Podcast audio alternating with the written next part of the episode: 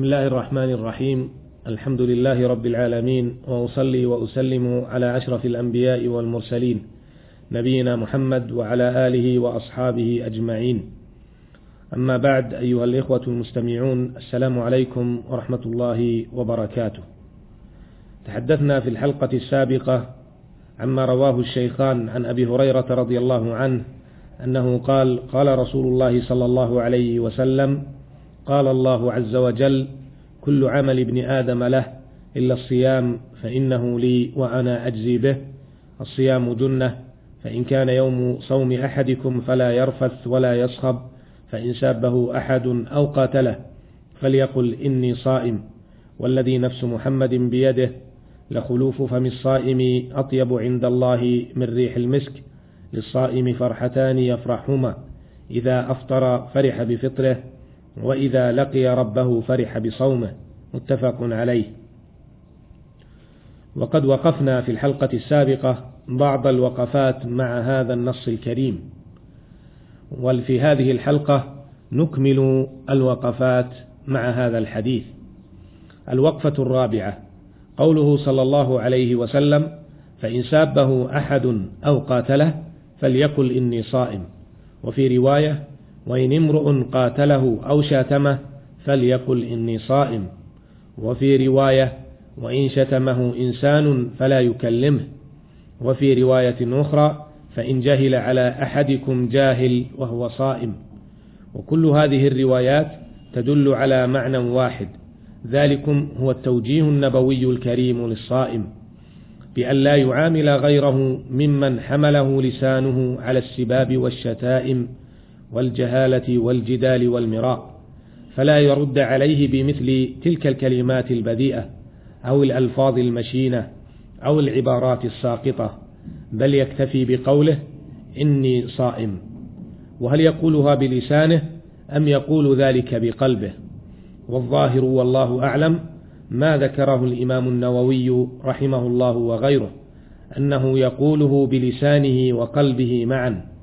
وفائدة ذلك قطع الجدال والمراء في هذه الأمور المشينة.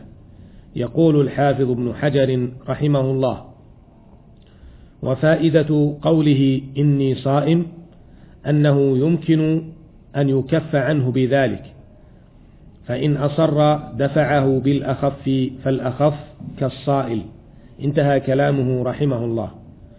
وروى البخاري ومسلم وغيرهما عن أبي هريرة رضي الله عنه أنه قال قال رسول الله صلى الله عليه وسلم من لم يدع قول الزور والعمل به فليس لله حاجة في أن يدع طعامه وشرابه. فالله سبحانه وتعالى يريد للمسلم أن يتخرج في مدرسة الصوم وقد تربى تربية متكاملة فيترك قول الزور والكذب والسفه والجهالة والغيبة والنميمة ونحوها. وإذا عومل بشيء من هذه الأمور عاملها معاملة إيجابية بما يذكر الآخرين بأنه صائم. فليس المقصود من الصيام ترك الأكل والشرب والشهوة بل مع ذلك أن تصوم جوارحه عن الأمور المحرمة كلها.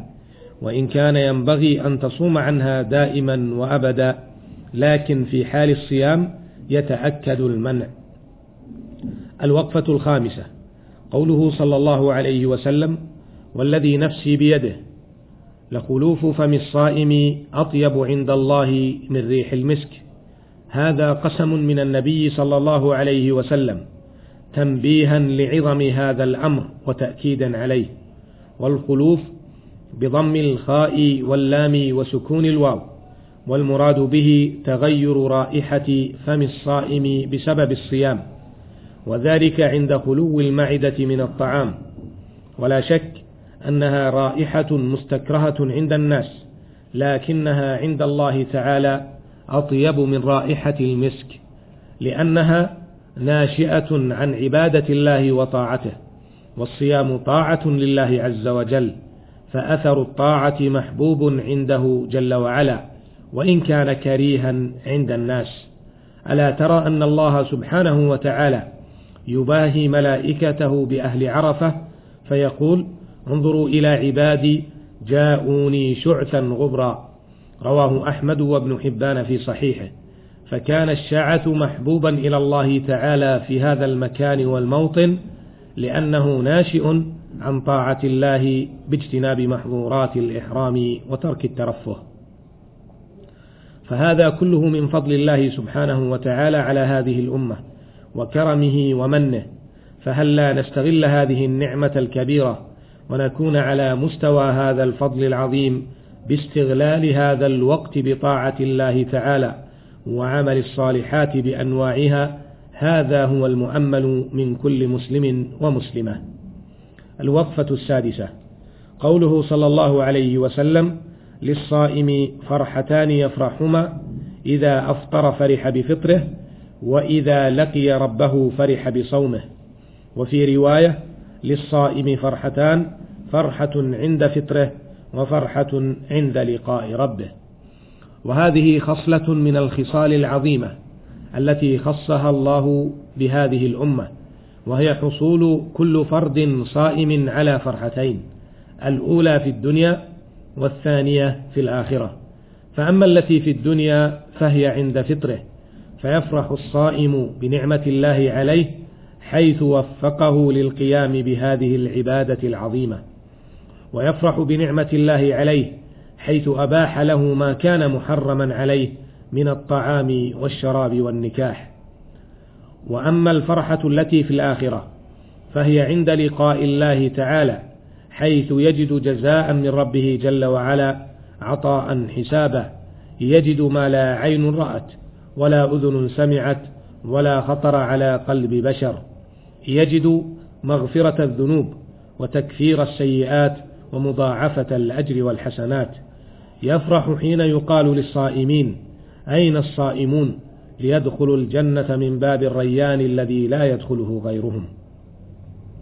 أيها المستمعون الكرام هذه مزايا عظيمة وخصال جليلة ونعم كبيرة أنعم الله بها على عباده المؤمنين الصائمين فحري بكل مسلم ومسلمة أن يغتنما هذه الفضائل ويفرحا بصومهما ويحمد الله على توفيقه ويشكراه على نعمه وفضله ويسألاه المزيد من فضله وإنعامه. رزقنا الله وإياكم حسن الصيام والقيام. وتقبل منا صالح الأعمال إنه سميع مجيب وهو المستعان وإلى اللقاء في الحلقة القادمة إن شاء الله. والسلام عليكم ورحمة الله وبركاته.